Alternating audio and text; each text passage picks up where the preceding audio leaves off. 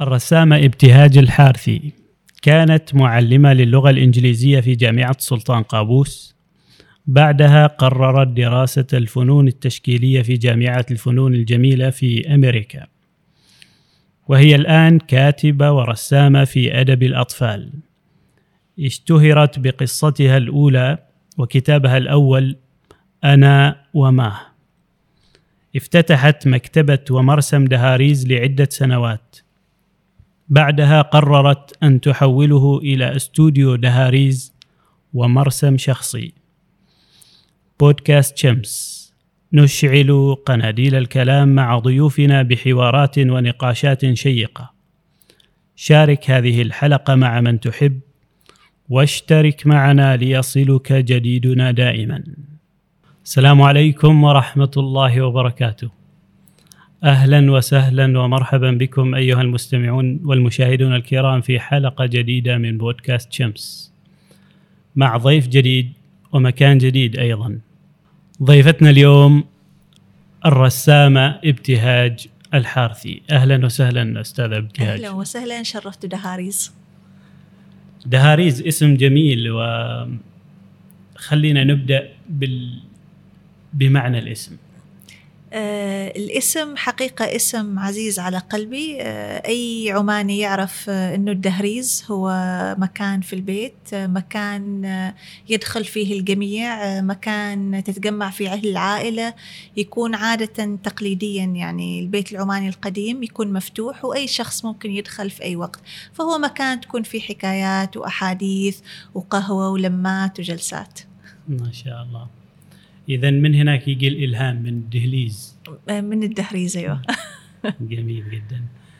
آه الرسامة ابتهاج الحارثي هي ابنة آه الأديب آه محمد بن أحمد الحارثي وحفيدة الشيخ أحمد الحارثي أبو الحكم الملقب بشاعر الشرق أي شرقية عمان. صحيح. فما شاء الله عليك يعني نشأتي في هذه العائلة نقدر نقول المثقفة. أكيد هذه النشأة تزرع فيك بذرة ظهرت وأنت كبيرة واهتميتي بها هذه البذرة. صحيح. فكيف نقدر نقول العائلة أو البيئة تؤثر على الموهبة أو تساعد على صقل الموهبة؟ يعني هي تساعد يعني ساعدت كثير في نشأتي كطفلة. في الحقيقة يعني أعتبر نفسي محظوظة جدا إني نشأت في عائلة تحب الكتب. وإنه في هذاك الوقت رغم إنه الكتب ما كانت موجودة في كل بيت كانت موجودة بوفرة. في بيتنا. يعني انت ذكرت قدي الله يرحمه قدي الله يرحمه كان شاعر كان باستمرار يكتب الأشعار وكان يعني من لما أنا صغيرة بيدخلني معه في المجلس وبيخليني أقرأ له أمهات الكتب من أحاديث أو قرآن وأنا صغيرة يعني. طبعا بالنسبة لي هذا يعني شيء كبير يعني كنا كنا نتجمع فترة العصر أبنائه وأحفاده وخلينا بعد ما ضعف بصره كنا يعني نحن نقرأ له هذه الكتب. فكان هذا جدا مهم لأنه يعني نبهني إنه في كتب أخرى يعني إنه في كتب يعني قوم لساني خل خلاني أشوف لغة قديمة وأتعرف عليها من غير اللغة اللي أنا أشوفها في كتب المدرسة فقط. جميل جميل. بالنسبة للوالد طبعا يعني أثره كبير جدا ما أعرف يعني من وين أبدأ ويعني وين وين أنتهي لكن أكثر شيء يعني خدمني فيه الوالد واللي كثير يمكن آباء وأمهات ما ينتبهوا له في الحقيقة إنه ما وجهني. يعني يمكن هذا مستغرب وجهني بأسلوب إنه هو كان يقوم بما يقول به. يعني كانت مكتبته مليئة بالكتب. ما عمره قال لي روحي وقري كتاب. ما عمره قال لي قري وفتحي كتاب شوفي هذا. قليل نادرا. إذا شاف كتاب عقبه قال لي ها ابتهاج تحبي تشوفي هذا الكتاب؟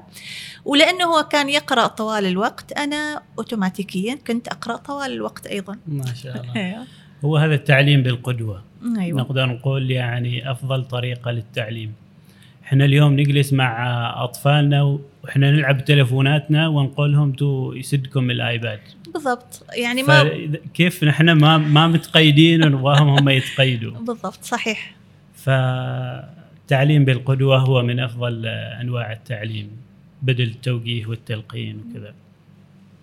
آه، استاذه ابتهاج آه، أنت كنت معلمة معلمة لغة إنجليزية في جامعة سلطان قابوس. صحيح. لكم سنة تقريبا. درست ثمان سنوات تقريبا في جامعة السلطان قابوس من لما تخرجت إلى سنة 2011 تقريبا. وهذا القرار إنك تغادري سلك التعليم وتبدي مرحلة أكاديمية جديدة.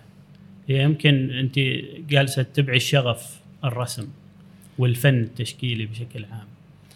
قرار ليش ما اتخذتيه قبل ما تبدي مرحلة البكالوريوس وخذتي نفس التخصص؟ يعني, يعني ما كانه متأخر. هذه قصة طويلة وهذه يعني رحلة حياة وطبعا القرار كان يعني متأخر لكن على الأقل أنا قمت بهذا القرار. في ناس ينتظروا يتقاعدوا وبعدين يقوموا بهذا القرار. جميل. فأنا يعني قمت به آه، يعني في الحقيقة لما تخرجت كانت الخيارات المتاحة. آه، على الأقل في جيلي ما كثيرة. وأنا كنت شخص آه، عملي جدا. يعني تبعت يعني لازم أقول إن أنا تبعت المجتمع. المجتمع في هذاك الوقت إنه يعني تكون معك وظيفة حكومية آه، ثابتة آه، مدرسة قريبة من البيت. قريبة من البيت. هذا يعني هذه كانت المعايير. ما كان فكرة إنك أنت تتبع شيء تحبه. هذا واحد. اثنين فكرة الرسم أساسا كمهنة ما كانت موجودة. يعني. نحن طالما قرأنا مجلات وكتب أطفال لكن ما يخطر أساسا في بالنا إني أنا ممكن تكون هذه مهنتي وممكن أمتهنها. فهذا كخيار ما كان أساسا مطروح آه، في الساحة. فتخصصت لغة إنجليزية لكن في الحقيقة تخصصي يعني تخصص اللغة الإنجليزية كان اساسه حبي إني أنا أتعرف بثقافات أخرى وكان اساسه إني أنا أحب أقرأ الكوميكس أو القصص المصورة باللغة الإنجليزية. نعم. فكان في الحقيقة مرجع يعني الرسم يعني أكثر أكثر من اللغة. يعني خدمك آه، من حيث تدري أو لا أو يعني من حيث لا تدري. بشكل بشكل كبير جدا بشكل آه. كبير. جميل. جميل جدا. خلينا نتكلم عن مكتبة ومرسم دهاريز اللي الآن أصبح آه، استوديو ومرسم شخصي. أنت الآن متفرغة فقط للمرسم أو للاستوديو؟ أنا متفرغة لكتابة ورسم آه، قصصي آه، ونشرها آه، وهذا مكان المكان اللي أنا أعمل فيه بكل هدوء. هذه صومعتي.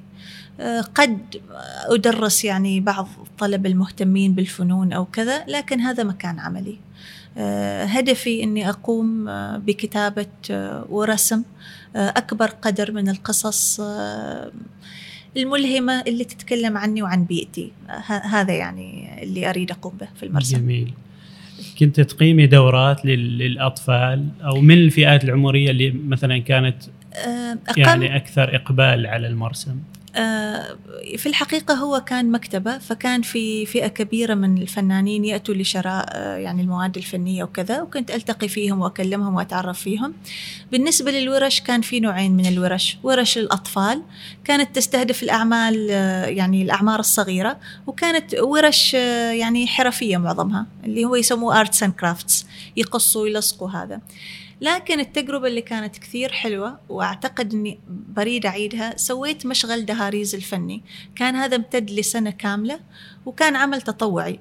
كانوا يأتوني طلبة من عمر 15 فما فوق فأسستهم من البداية. ممتاز. أيوة بدأنا رسم على رصاص شوية شوية لحد ما تقدموا بدأوا يرسموا بورتريهات. يعني فمرينا بمراحل الرسم مرحلة مرحلة وبصبر وبهدوء. كانوا يجوا كل يوم سبت يجلسوا ثلاث ساعات ويتعلموا. وأنا يعني جدا فخورة أنه أكثر من واحد فيهم واحد تخرج وبيدرس فنون في أمريكا واثنين آه، يعني دخلوا كلية التصميم ولحد الآن يعني يتواصلوا معي.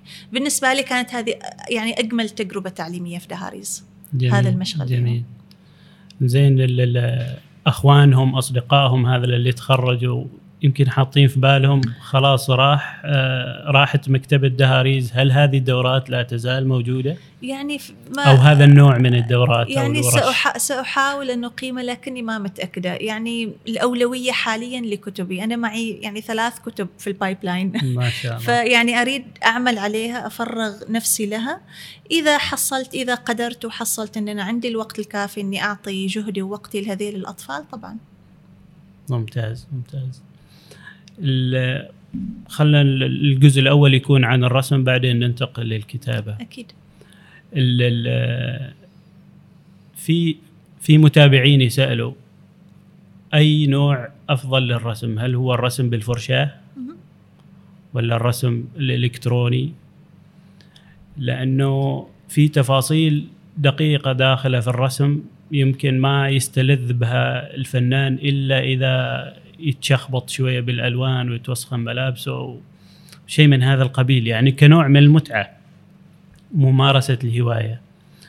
أيضا الناتج الأخير من الرسمة إذا أنا اريده على حجم أكبر إذا كان مرسوم باليد خلاص على هذاك الحجم. أما إذا كان رسم الالكتروني فقابل إنه أزيد حجمه أو أصغره. صحيح بالضبط. يعني أنا بالنسبة لي أنا يعني آه، لما درست فنون جميلة أنا كان تدريبي يسموه تراديشنال اللي هو تقليدي. فأنا بدأت بمواد آه، يعني مواد فنية تقليدية. ما ما كنت أشتغل يعني بأي مواد رقمية. آه، كان يعني نظرتهم تأسيسهم اللي هم يسموه أتيلير فكرة الأتيلير إنك أنت تبدأ بقلم الرصاص. تتعلم فيه تتعلم فيه بعدين تنتقل إلى مرحلة الألوان. أنا بالنسبة لي أنا يعني ما بدأت كرسم رقمي فما أقدر أقول لكم بدء كرقمي لكن بالنسبة لي هذا كان تأسيس جدا مهم. لأنه يحرك يدي ويعلمني يعني التقنيات اللي كانوا الماسترز يعني الفنانين الكبار مثل ليوناردو دافنشي وعصور النهضة وغيرهم يستخدموا هذه التقنيات. أنا أعتقد أنه كل رسام ما يضره أنه يمر بهذه التقنيات الأساسية يعني. لأنها في النهاية بتأثر على عمله التقني على عمله عفوا الرقمي. في النهاية الأداة الرقمية هذه أداة فقط. مثلها مثل قلم الرصاص مثل الأكريليك مثل الزيتي هذه فقط أدوات. الفنان كيف يسخرها ويستخدمها. طبعا كل أداة لها سلبيات وإيجابيات. يعني الرسم التقليدي آه، الزيتي على سبيل المثال. الزيتي له روحه آه، ورسم يعني عتيق وقديم وتلقاه في المتاحف. لكن في يعني لما تستخدم زيتي حال أدب الطفل صعب لأنه ياخذ يعني رسمة زيتية عادي تمتد شهر للرسمة الواحده يعني هذا رسم يبغى له صبر تسويه على يعني يعني على مراحل. يعني الفترة هذه على أساس أنه يقف وبعدين تقدري ترجعي تكملي ولا في أسباب أخرى؟ آه يعني يا ما هو طبعا على أساس يقف يعني وأنت تعمل على كم مراحل؟ أنت تسوي مم. بطانة. في البداية أنت بتجهز الكانفاس هذا يبغى له يوم. بعدين بتسوي بطانة بعدين بتسوي الرسمة بعدين بتلونها تنتظرها تقف في أي غلطة تعيدها. يعني بالراحة الرسمة إذا أنت سريع ممكن تاخذ منك يومين ثلاثة. لكن إذا رسمة مثلا معقدة وكبيرة عادي شهر شهر شهرين هذا شيء طبيعي يعني اللوحة زيتية. بالنسبة للأدوات الرقمية حال ال illustration طبعا تختلف الخامات. في أنت معك fine آه، art اللي هو فنون تشكيلية ومعك ال illustration اللي هو الرسم واللي هو رائج أكثر آه، في مجال أدب الطفل. أنت تلاحظ معظم ال illustrators أو الرسامين يستخدموا الاثنين ولازم يكون معهم أداة رقمية. لأنهم هم في النهاية حتى الرسومات اللي رسموها بشكل تقليدي هم لازم يعدلوها بأي برنامج رقمي. ف أعتقد إنه ضروري لأي شخص مهتم بالالستريشن ما بالفنون الجميلة إنه يعرف الأداتين مع بعض. مواكبة. أيوه.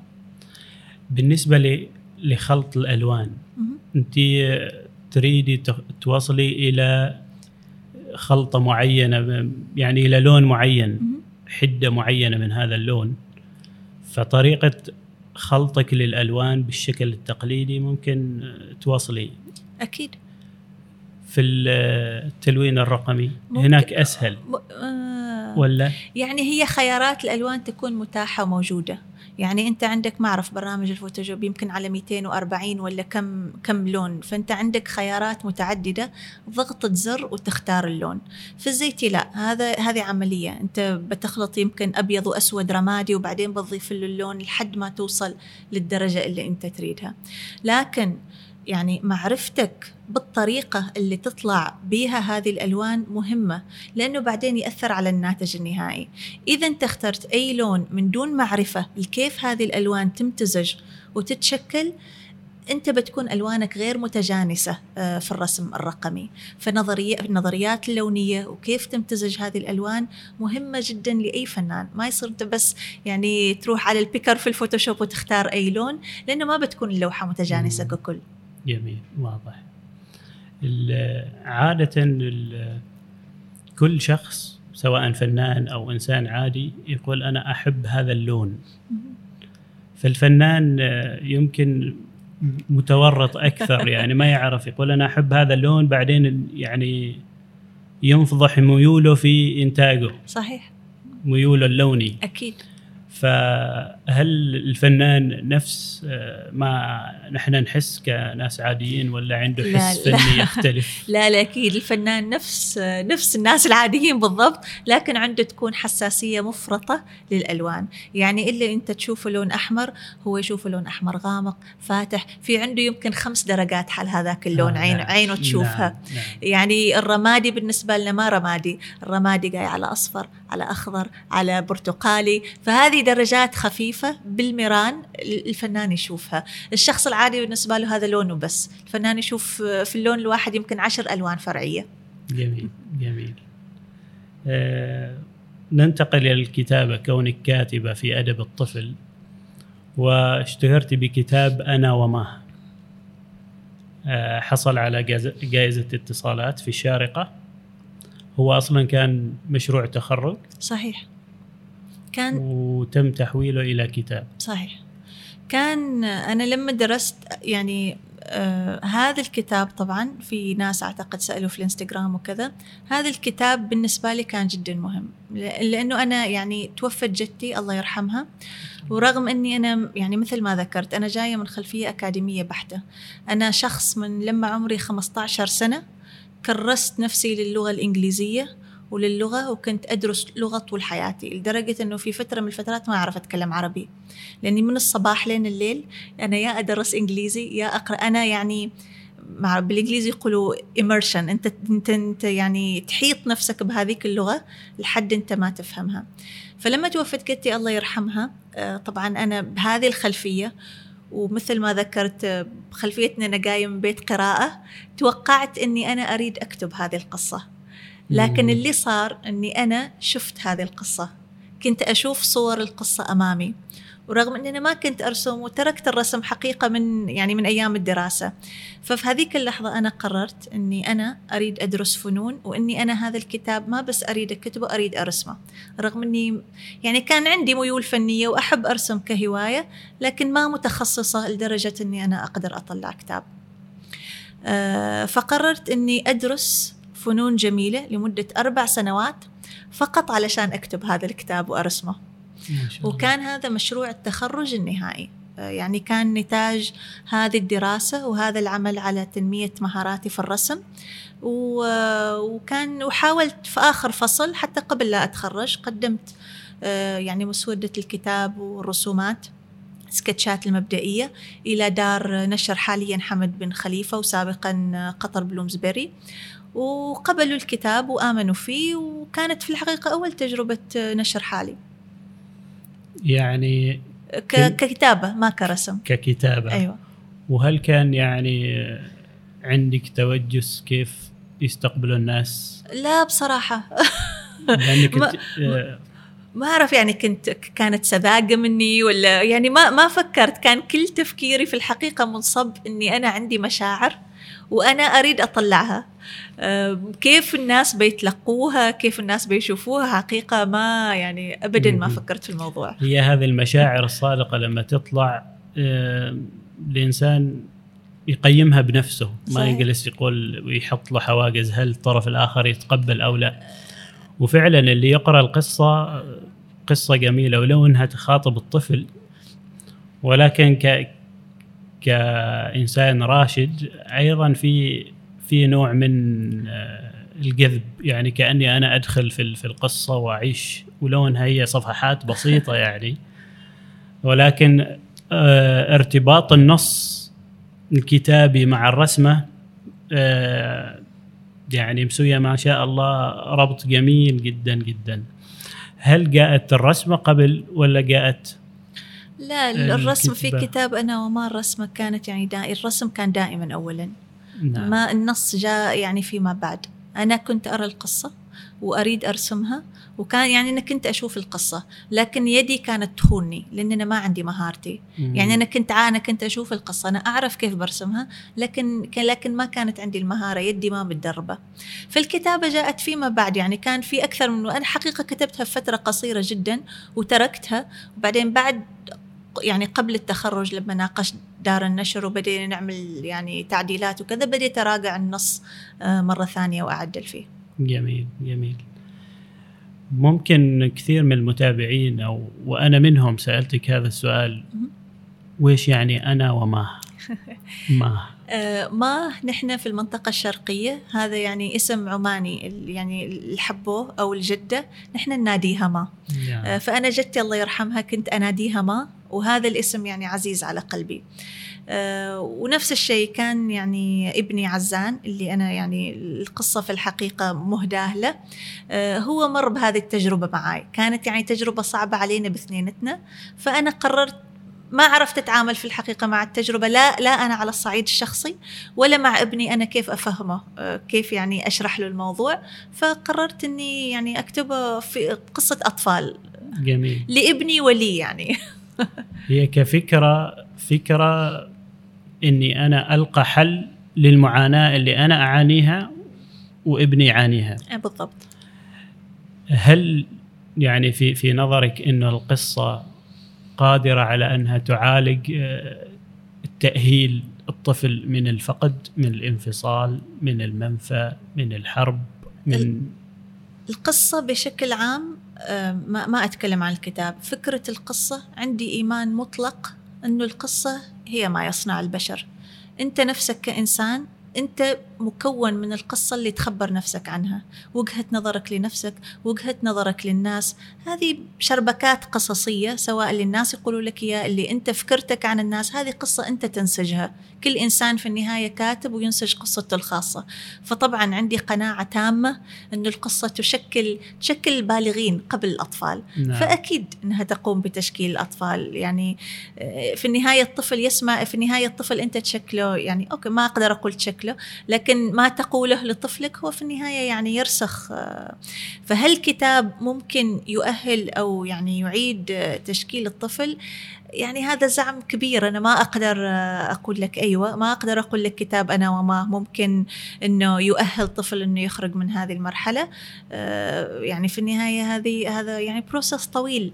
لكن يخلق مساحة آمنة. يخلق مساحة آمنة بين الأب أو الأم والطفل إنهم هم يناقشوا هذه القضية. يعني آه، وفي النهاية يعني خلينا نكون صريحين الطفل ما يتعلم اللي نحن نريد نعلمه.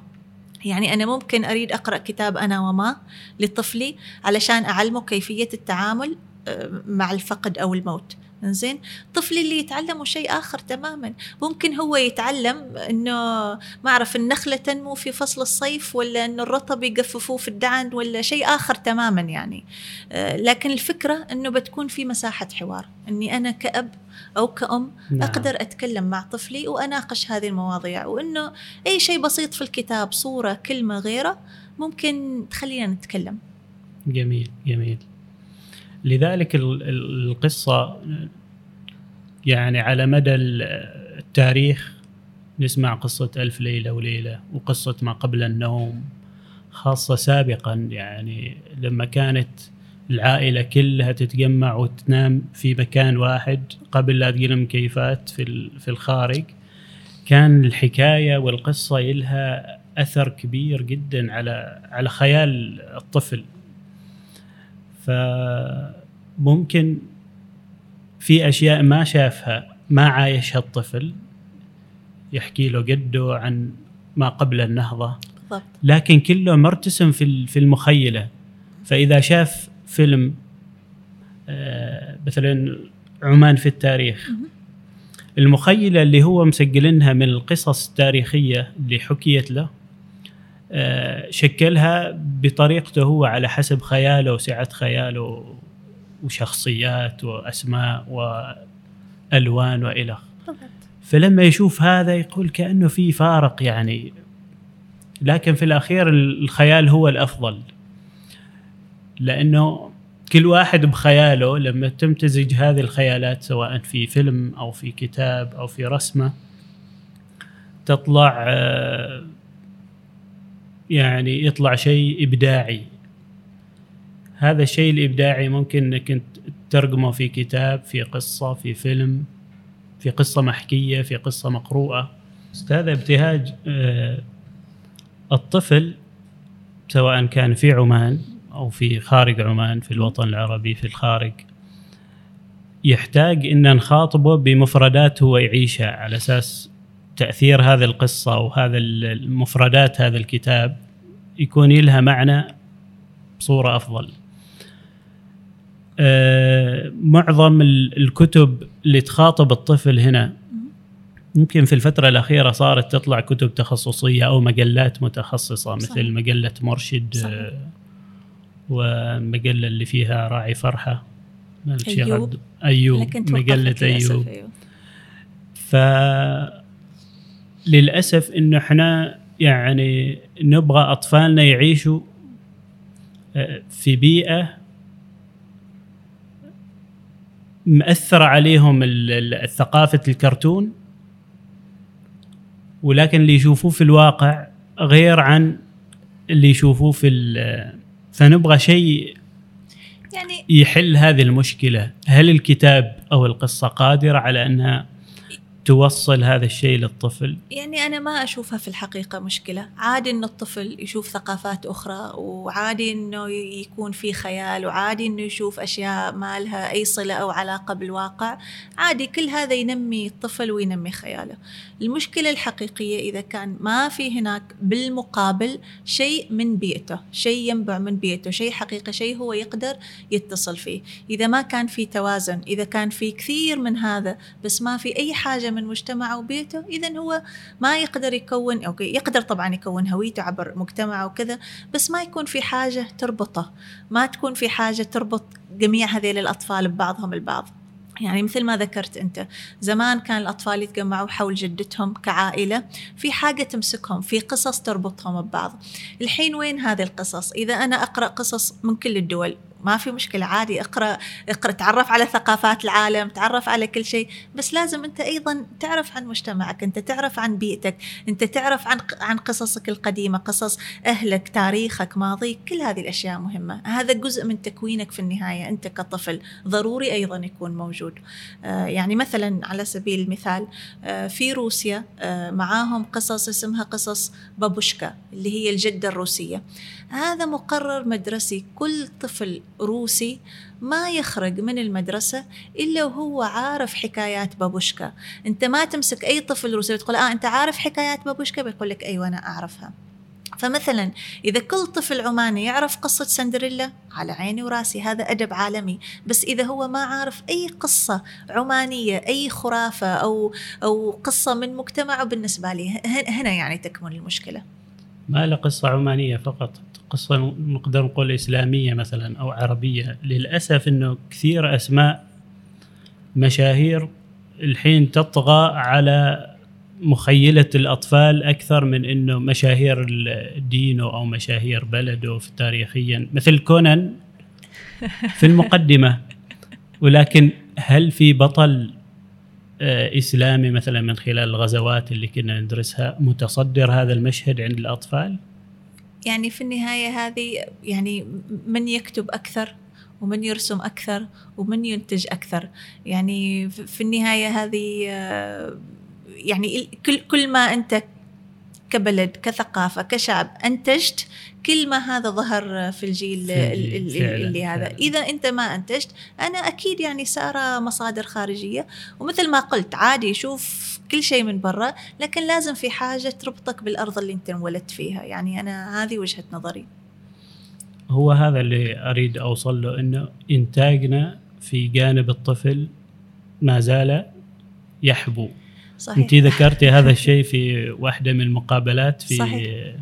الصحفية فما زال يحبو كان قبل كم سنة يمكن الحين خلاص يمشي يعني أنا يعني في في تقدم أنا متفائلة جدا وأعتقد إنه في تقدم كبير عن وجهة نظري يعني جميل. وأنا فخورة بالكتاب والكاتبات العمانيات اللي الحين بدأوا يتجهوا الأدب الطفل. في كثير محاولات في كثير مسابقات وصار ما في بس إنه يعني قصص مصورة وغيره صارت مثلا على سبيل المثال نادي الثقافي أو جمعية الكتاب والأدباء صاروا يطرحوا في مواضيع تخصصية مثلا أدب الطفل المختص بالخيال العلمي جميل. أدب الطفل للروايات المصورة أو الكوميكس أو ال graphic novels.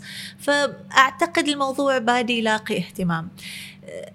يعني ما يصير أنت أنك تريد في خمس سنوات أو عشر سنوات أنك توصل يعني أدب الطفل بدأ من القرن الثامن عشر في الحضارات الغربية. نعم. بدأ في ألمانيا منذ بدء الطباعة بدأوا ينتبهوا أنه في طفل وأن نحن لازم شوية نوجه له اهتمام.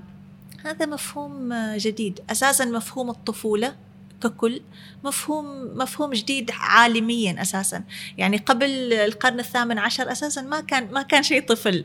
كان الطفل اللي هو صغير اللي أمه تراعيه وكذا مجرد ما شوية يقدر يعتمد على نفسه هذا يعامل كشخص بالغ. يحمل مسؤوليات. بالضبط. هذه التقسيمات الحالية في الحقيقة حديثة. أه، فأكيد بناخذ وقتنا يعني. جميل جميل. اذا هذه يعني بادرة أو بشارة خير إنه رايحين على الطريق الصحيح إن شاء الله. إذا استمروا أيوه وإذا يعني حصلوا دعم وممكن أيوه. لكن اللي نلاحظه فعلا يعني يدلل على هذا الكلام إنه في الوطن العربي مؤخرا ظهرت بعض دور النشر يعني على رأسهن آه، سيدات. صحيح. ويعني إنتاجهن نوعا ما فيه فيه نوع من الغزارة. أيوه. سابقا كان دور نشر هذه تدار من آه، رجال أو ذكور نقدر نقول فكان الرجال ينظروا لأدب الطفل كأنه أدب من الدرجة الثانية أو الثالثة ما معطيه هذه الأهمية فال وش تعليقك على هذا الجانب؟ أعتقد يعني إنه صار أدب الطفل له قيمة. هذا دليل على ارتفاع قيمة الطفل. آه، يعني أنت في النهاية لما أنت تشوف الأدب اللي تكتبه النساء مثلا الأدب النسوي أو غيره إنه من الدرجة الثانية هذا يعني يمكن دليل إنك أنت ما تعطي قيمة للنساء. إذا كان أدب الطفل أنت تراه من الدرجة الثانية وما تهتم به هذا دليل إن المجتمع لا ينظر إلى الطفل إنه هو فرد مثله في حقوقه ويعني واللي المفروض يحصله مثل الشخص البالغ. فبما أنه الحين الدول العربية وعمان وغيرها بدأوا يتجهوا هذا الاتجاه القوي إلى أدب الطفل. هذا احت... هذا يعني يعني recognition هذا يعني آه، اهتمام بهذا الطفل وهذا تأكيد على أهمية هذا الطفل أنه هو خلاص هو ما فرد ليس له قيمة يلا يكبر وبعدين تصير له قيمته. لا هو من لما انولد هو كائن موجود وقيمته موجودة ويستحق يعامل بهذه الطريقة. جميل جميل. الأنشطة اللي موجودة حاليا في في عمان خلينا نتكلم الموجهه للطفل. يعني عندنا مكتبة مكتبة الأطفال العامة. في عندنا ورش آه، تدريبية بين فترة والأخرى. أيضا من الفعاليات المصاحبة لمعرض مسقط للكتاب. في في ركن للطفل. صحيح. آه، ويش ينقصنا حتى نكون منتجين أكثر في جانب الطفل؟ آه، ينقصنا آه، أعتقد ناس مهتمة اهتمام حقيقي بالطفل. وينقصنا أيضا إيمان من المجتمع. يعني أنت ممكن تضخ جميع الموارد وممكن تلقى الناس اللي يهتموا بالطفل ممكن تسوي كل شيء. لكن إذا المجتمع ككل هو ما عنده إيمان بأهمية الطفل بأهمية أنه يشل أطفاله هذه الورش بأهمية أنه يشارك في هذه الأشياء آه، يعني هذا شيء أيضا ينبع من المجتمع. لازم الناس أساسا يكون عندها وعي وتكون مؤمنة آه، بأهمية هذه الأشياء. إذا صار في طلب من الناس شيء أكيد آه، أنه هذه الأشياء بتكثر وبيصير لها حضور أكبر. يعني هي نقدر نقولها مثل العرض والطلب. يعني أيوه. هو سوق في الأخير. يعني آه يعني ما ما أحب أنظر ادب الطفل أو الكتاب إلى أنه سوق لكن هذه هي الحقيقة يعني. لكن لو نرجع للأساسات يعني هل في جامعاتنا والدراسات العليا موجود تخصص أدب الطفل؟ آه، كتخصص آه، ما أعتقد لكن أعرف إنه مثلا في جامعة سلطان آه، قابوس مثلا الدكتورة جوخ الحارثي تدرس مادة اللي هي اختيارية اسمها أدب الطفل. جميل. أنا كتخصص لغة إنجليزية أيضا درست أدب الطفل كمادة في جامعة سلطان قابوس لكن باللغة الإنجليزية. ففي هناك أشياء موجودة لكن ما أعرف يمكن الجهود ما متجمعة. في هنا وهناك لكن يمكن كل شيء ما متجمع. إن شاء الله تلقى صدى هذه الأفكار أيوة، والتساؤلات.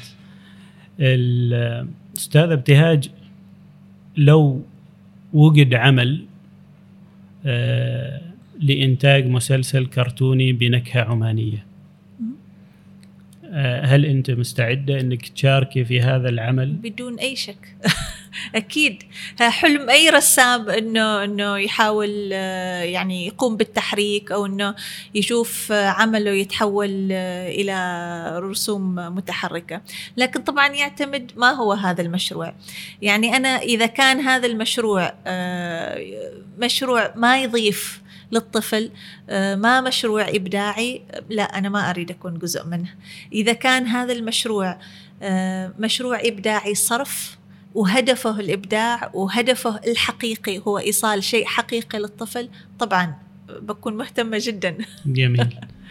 وفي نظرك يفضل إنه يكون بلهجة عمانية خالصة ولا بلغة عربية فصحى؟ يعتمد على الموضوع. يعني مثلا إذا كانت آه، حكايات شعبية أو fairy tales آه، بحب أشوفها بلهجة عمانية. آه، إذا كان يعني حسب الموضوع إذا كان مثلا موضوع علمي يمكن بحب أشوفه بلغة عربية فصحى. ما يعني ما أقدر اعطيك جواب على حسب يعتمد الموضوع. على الموضوع. نعم. أيوه. لكن أنا يعني أنا ما إنه فقط لغة عربية فصحى أو فقط لغة عامية. أعتقد إن الموضوع هو اللي يعني يحدد, يحدد. هذه التفاصيل أيوة يحدد هذه التفاصيل. جميل ما شاء الله. يعني بلادنا تزخر يعني بالكتاب والرسامين والفنانين واللي قادرين إنهم يحولوا هذه الرسوم إلى أبعاد ثلاثية ورسوم متحركة. صحيح. فيمكن بس يعني مثل ما ذكرت أنت سابقا تنقص آه، هذه الجهود المتكاتفة.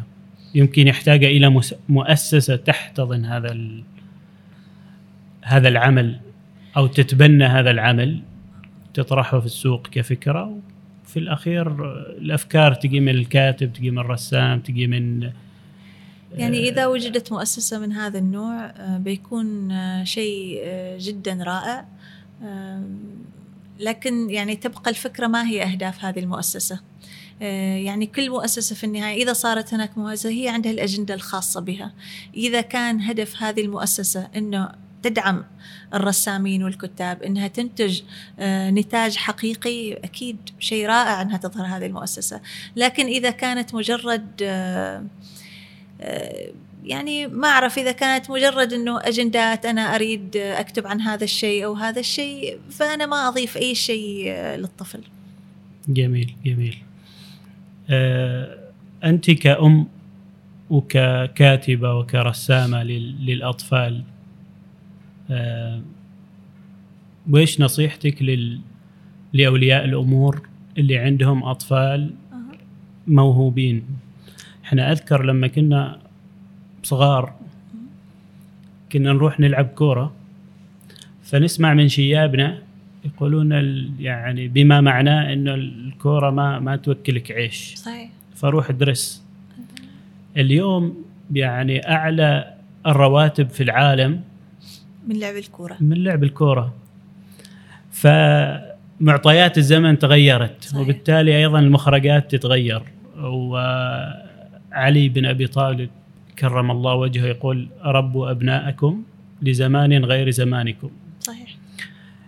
فخلينا نتكلم عن الزمن اللي نحن نعيشه من خلال تجربتك آه، مثل ما قلت رسامة وكاتبة وأم عندك أطفال. يعني كنوع من النصيحة لأولياء الأمور أو توعية لأولياء الأمور. الرسامين أكثر ناس ما يحبوا يعطوا نصايح؟ لكن زين بعطي نصيحة. عندي في الحقيقة نصيحة في نصيحتين لكنهم نصيحتين متضادتين. عاد يعني وسعوا قلبكم معي. النصيحة الأولى لا تضبوهم بالعماني خلوهم على راحتهم. إذا الطفل ما قاك وما قال لك أبغى أسوي ذا الشيء خليه لين ما يلقى الشيء اللي يحبه وبعدين شجعه باللي تقدر عليه. في أطفال كذا. النصيحه المقابلة لها تماما جلس فوق راسه. في أطفال لا يحتاجوا شخص يوجههم يحتاجوا شخص يجلس لهم يحتاجوا شخص يشرح لهم وهم يسمعوا الكلام هم يريدوا هذا النوع من التوجيه. في أطفال بالعكس أنا ما أريد حد يقول لي أنا أشوف وأستكشف بنفسي وألقى طريقي وبعدين ممكن أجي وأطلب مساعدتك. لما تجي هذه اللحظة وابنك يطلب مساعدتك سوي اللي تقدر عليه. مرة كنت أسمع بودكاست عن آه، جراحة أمريكية. آه، أمها من أفضل يعني آه، فازت بالأم الأولى في, في أمريكا لأنه معها ثلاث أبناء وكلهم يعني ناجحين جدا. هي كاتبة وبست سلر وأخوها جراح وأختها كذا. فسألوها قالوا لها كيف أمش قدرت إنها تزرع فيكم هذا الميل وتشجعكم على هواياتكم؟ قالت كانوا أبوي وأمي. إذا بغيت شيء بيروحوا إلى أقصى شيء على أساس يحققوا لي أو يحاولوا إنه يسووا لي الشيء اللي أنا أريده. يعني إذا أنا مثلا بغيت أرسم ما بس بيجيبوا لي أقلام وألوان بيروحوا حال أكبر مسابقة في هذيك الولاية وبيقولوا لي دخلي فيها. على أساس هي تعرف أقصى ما يمكن إنه يوصلني هذا المجال. فما أعرف أعتقد هذه نصيحة جيدة بحب إني أنا مثلا أطبقها مع أبنائي. جميل جميل. إحنا نسينا نذكر إنه الكتاب أنا وما وين ممكن يحصلوه؟ في أي مكتبة؟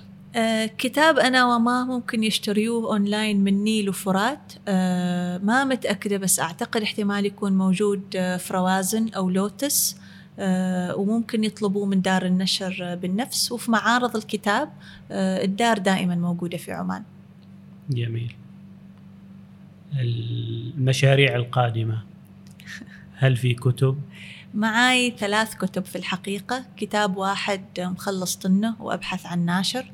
كتاب ثاني كان مشروع تخرجي الثاني صار له سنوات. هو عبارة عن رواية طويلة جدا مصورة اسمها القنفذ عنز مستوحاة من من الخرافات من الخرافات عفوا الألمانية. اللي هم الأخوين جريم خرافات الأخوين جريم. آه، بس بنكهة عمانية جميل. آه، فصار لي هذا فترة أشتغل عليه سكتشات المفروض على آخر السنة تخلص ويبغى لها أكيد سنة ثانية لحد ما تتلون وهذا.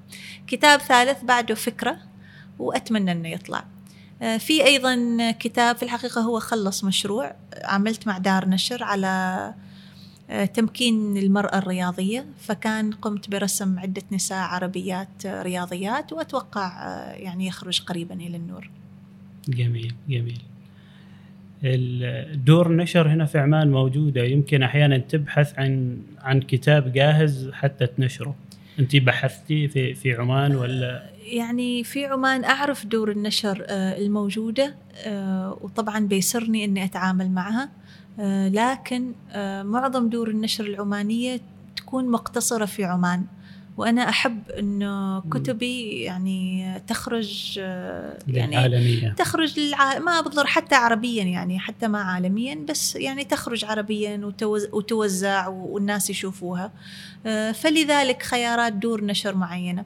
أيضا يعني آسف إني أقول حتى الآن ما في دار عمانية في طبعا دار مياسين على سبيل المثال هي مختصة بأدب الطفل بس ما في دار تخرج آه، كتب بإخراج آه، جميل آه، حتى الآن. يعني ما ما شفت. قد قد يكون في المستقبل لكن حتى الآن ما شفت تخرج بالإخراج اللي أنا أحب أشوف فيه كتبي. جميل. هذه نظرة الفنان. أيوة, أيوة. وطبعا ما ألوم أي دار نشر. في النهاية كتب الأطفال مكلفة جدا. وكثير ناس يبدوا فيها وبعدين يعني ما يكملوا المشوار. هي ممكن نرجع إلى نفس الدائرة يعني إذا كان الدار نشر تتبنى طباعة هذا الكتاب مختص بالطفل على الجانب الآخر تقول أنا ما ضامنة على أنه أحصل بالضبط. إقبال على الكتاب. بالضبط. لأنه بعد المجتمع مثل ما قلنا ما ما جاي بهذاك الإقبال للطفل. ما بس المجتمع أحيانا كتب ما تنجح. أحيانا نفس الكاتب كتاب واحد ينجح الكتاب الثاني ما ينجح يعني عادي مم. تصير آه أنت هل تظني إنه كتاب أنا وما يعني رفعك آه، وصل صيتك إلى مستوى كبير يعني ما أقدر أقول مستوى كبير في النهاية هو كتابي الأول يعني الكتاب عاده يكتبوا 20 كتاب بعدين يقولوا وصلنا مستوى كبير بس أيوه أعتقد إنه كأول تجربة نشر أعتقد إني كنت محظوظة جدا وإنه وصل إلى كثير آه، إلى كثير ناس. آه، يعني أذكر آه، يعني كان في مهرجان مهرجان مهرجان الإمارات كان كنت رايحة أعتقد في 2016 فكان من ضمن الفعاليات منظمين إنه حاطين طلبة كثيرين من المدارس وعارضين عليهم كتاب أنا وما ومسوين عليه امتحان. فكنت أنا جالسة وأسمع يعني اللي مسوي الامتحان الأستاذة تسأل أسئلة ويعني وضحكت. ما توقعت إنه هذا الكتاب يعني ممكن الأطفال في الإمارات يسووا لهم عليه امتحان ويحلوه وكذا وما تخيلت إنه كتابي ممكن يكون مادة تعليمية. جميل جميل. آه، استمتعنا كثير بهذا اللقاء. شكرا جزيلا. استمتعت أنا أيضا. شكرا لقدومكم وسعيدة إني أشارك في بودكاست شمس. إن شاء الله تبقى هذه الحلقة شمس من الشموس المضيئة. إن شاء الله. بإذن الله. شكرا جزيلا. السلام عليكم ورحمة الله وبركاته.